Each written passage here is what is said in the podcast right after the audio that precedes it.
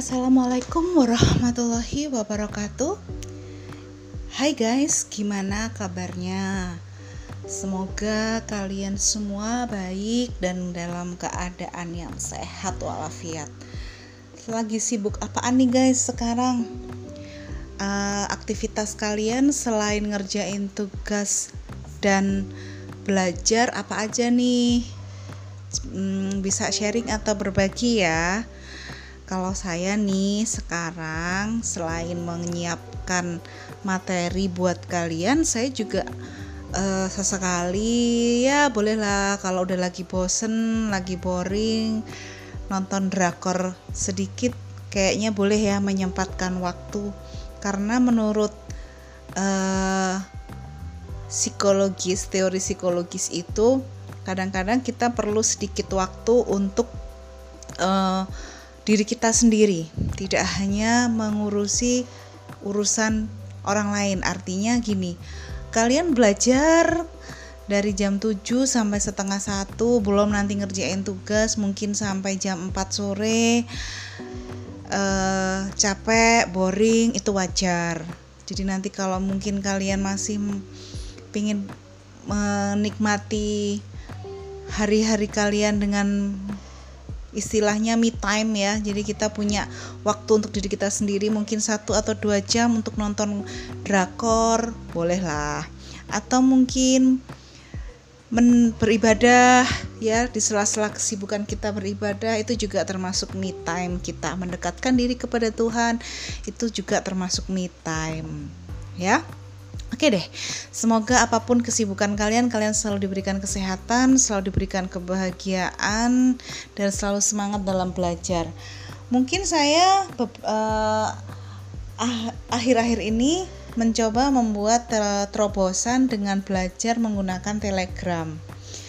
Beberapa dari kalian mungkin ada yang kesulitan, ya nggak apa-apa, kita konsultasi, kita sharing ya. Saya juga masih intinya juga masih mencoba belajar membuat hal baru.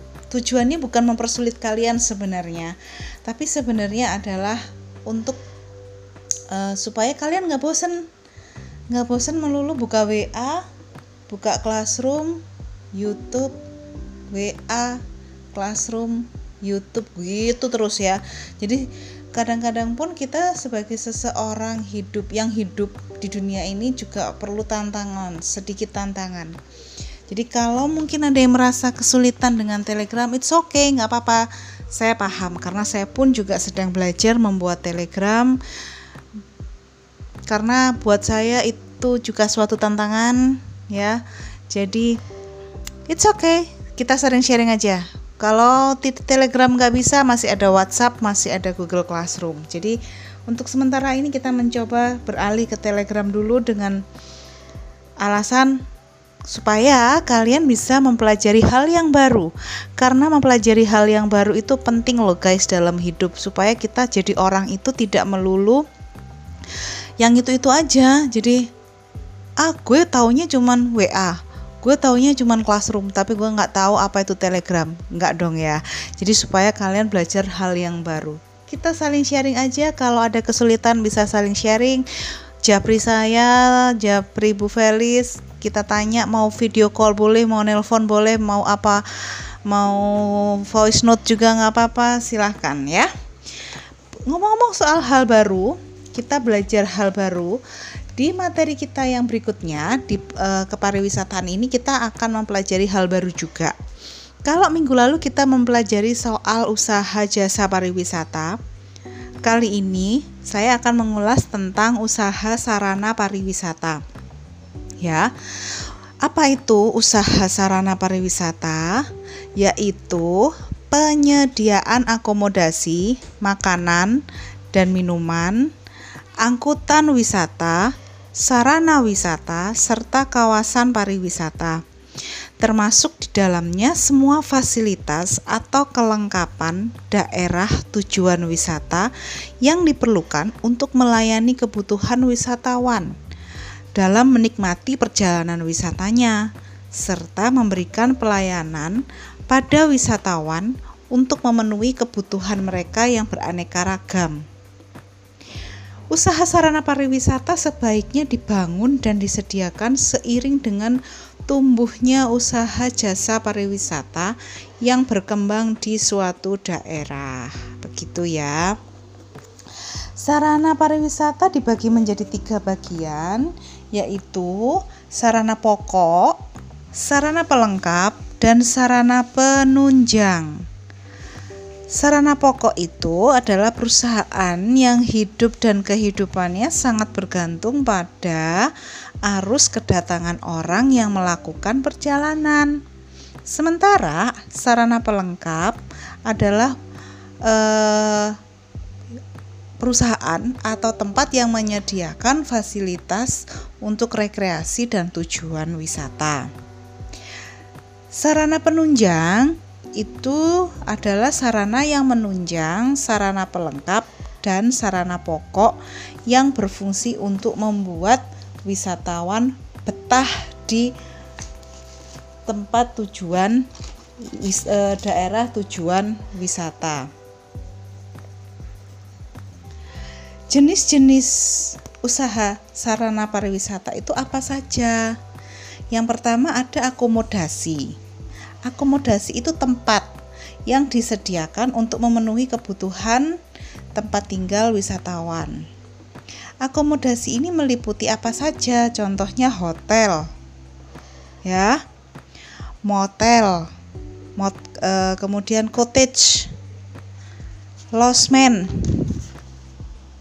ya.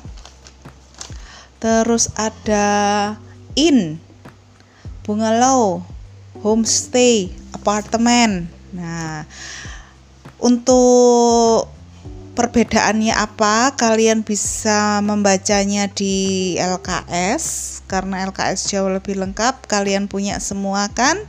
Bagi yang belum punya mungkin bisa fotokopi temannya ya. Di fotokopi punya temannya ya. Oke ya. Jadi nanti di dalam LKSmu itu ada penjelasan hotel itu apa, motel itu apa, apa sih Bu bedanya hotel dan motel ya. Itu nanti bisa kalian cari di LKS. Kemudian sarana yang lain setelah akomodasi, akomodasi itu kan tempat yang di tempat tinggalnya wisatawan selama mereka berwisata, ya kan? Nah, selain itu apa? Selain akomodasi, restoran dan atau rumah makan, ya. Restoran atau rumah makan itu adalah jasa penyediaan jasa makanan dan minuman yang dilengkapi dengan peralatan dan perlengkapan untuk prosesnya, pembuatannya, penyajiannya di suatu tempat yang tidak berubah-ubah dengan tujuan untuk memperoleh keuntungan. Secara umum, restoran dibagi jadi dua macam, yaitu restoran di dalam hotel atau restoran di, di luar hotel. Secara umum, restoran di dalam hotel terdiri atas tiga macam. Ada roti seri, ya itu seperti restoran eksklusif di mana uh, chefnya itu ketika beraksi memasak itu bisa dilihat oleh tamu.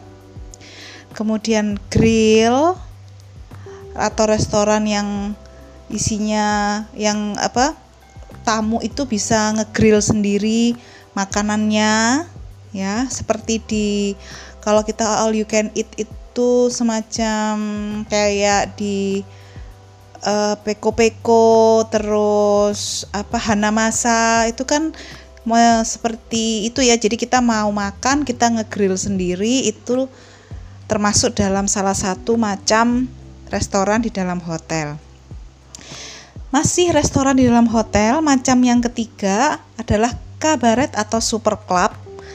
Ini adalah restoran yang mengadakan pertunjukan saat makan malam. Pertunjukannya bisa apa aja, bisa teater, bisa musik dan lain sebagainya, ya. Nah, sementara restoran yang ada di luar hotel itu macamnya ada banyak sekali.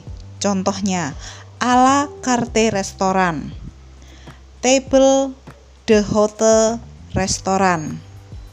Yang ketiga ada coffee shop, ada kafetaria, ada kantin, ada continental restoran, cafe dining room, diskotik, fish and chip, shop. Nah, itu macamnya ada di adalah macam-macam restoran di luar hotel.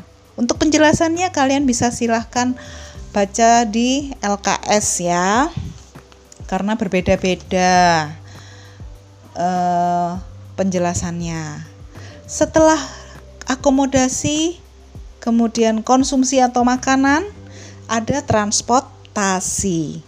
Nah, usaha jasa sarana pariwisata yang bergerak di bidang transportasi itu adalah usaha jasa yang bergerak dalam bidang angkutan, baik darat, laut maupun udara, yang pengelolaannya dapat dilakukan oleh swasta maupun BUMN. Nah, tanpa transportasi, wisatawan mungkin nggak akan bisa melakukan perjalanan yang nyaman ya, karena kita mau bergerak ke suatu tempat kan butuh transport, butuh butuh usaha angkutan gitu loh ya nggak sih. Nah jenis-jenis transportasi dalam pariwisata itu ada tiga di sini yaitu darat, laut, udara ya. Nah, kemudian selain jasa transportasi ada sarana wisata tirta yaitu kegiatan penyediaan pelayanan rekreasi wisata yang berhubungan dengan air. Tirta itu kan sama dengan air ya, Ra. Jadi wisata tirta itu wisata air. Contohnya apa aja? Bisa perahu, bisa permainan air atau olahraga air atau adventure ya. Kemudian setelain sarana yang tadi saya sebutkan.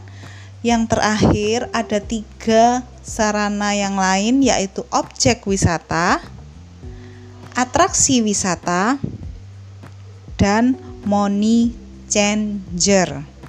Yang terakhir, apa itu objek wisata? Ya objek wisata itu ya tempat wisatanya.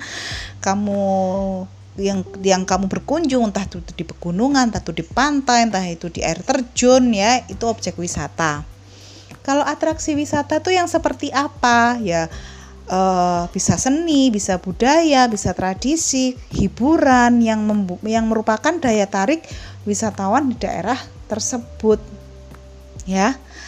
Lalu ada money changer. Nah, ini dibutuhkan kalau kamu berkunjung ke tempat wisata yang adanya di luar negeri ya, yang uangnya itu mata uangnya bukanlah rupiah, tapi saya dolar, yen, atau uh, mata uang yang lain jadi kita lakukan tem, uh, penukaran uang gitu loh dan penukaran uang itu tidak hanya dilakukan di bank tapi di tempat-tempat penukaran uang atau money changer.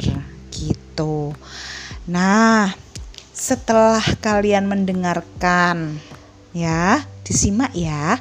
Setelah kalian mendengarkan ulasan dari saya, saya punya uh, tugas buat kamu untuk berkomentar. Nanti di kolom di bawahnya ada kolom komentar. Tolong kamu di kolom komentar itu menuliskan yang saya minta ya. Yang pertama disimak ya. Yang pertama tolong saya diberikan contoh-contoh dari sarana pariwisata. Jadi gini, misalnya sarana pokok pariwisata itu contohnya apa? Sarana pelengkap pariwisata contohnya apa? Sarana penunjang pariwisata contohnya apa? Tolong saya diberikan contoh ya kan tadi sedikit sudah saya ulas di awal kamu buka LKS-nya kemudian kamu baca lagi cari contohnya. Contoh sarana pariwisata. Ya. Kemudian yang kedua tolong saya diberi jawaban diberikan definisi versi kamu. Ya. Apa sih bedanya hotel dan motel. Paham ya? Jadi ada dua pertanyaan yang harus kamu jawab di kolom komentar. Yang pertama adalah contoh sarana pariwisata. Yang kedua adalah apa bedanya hotel dan motel. Gitu ya. Oke. Oke ya guys. Nah, uh, sebagai seorang yang bekerja di bidang pariwisata itu harus memiliki dan menguasai tiga hal knowledge atau pengetahuan kemampuan atau skill dan sikap atau attitude jadi dengan hal tersebut diharapkan kita sebagai orang yang bekerja di bidang pariwisata bisa menjalankan tugas dengan sebaik-baiknya. Oke, cukup sekian dari saya. Semoga penjelasan saya bermanfaat dan bisa kalian pahami. Nanti kalau ada yang kurang paham bisa langsung japri saya ya, bertanya. Ingat malu bertanya pasti nanti akan disesatkan ya. Oke. Jadi jangan lupa ada dua tugas untuk menulis di kolom komentar, hanya nulis di kolom komentar ya. Oke. Semoga kalian selalu diberikan kesehatan, kebahagiaan dan keberkahan dalam hidup kalian. Semoga selalu bahagia dan wassalamualaikum warahmatullahi wabarakatuh.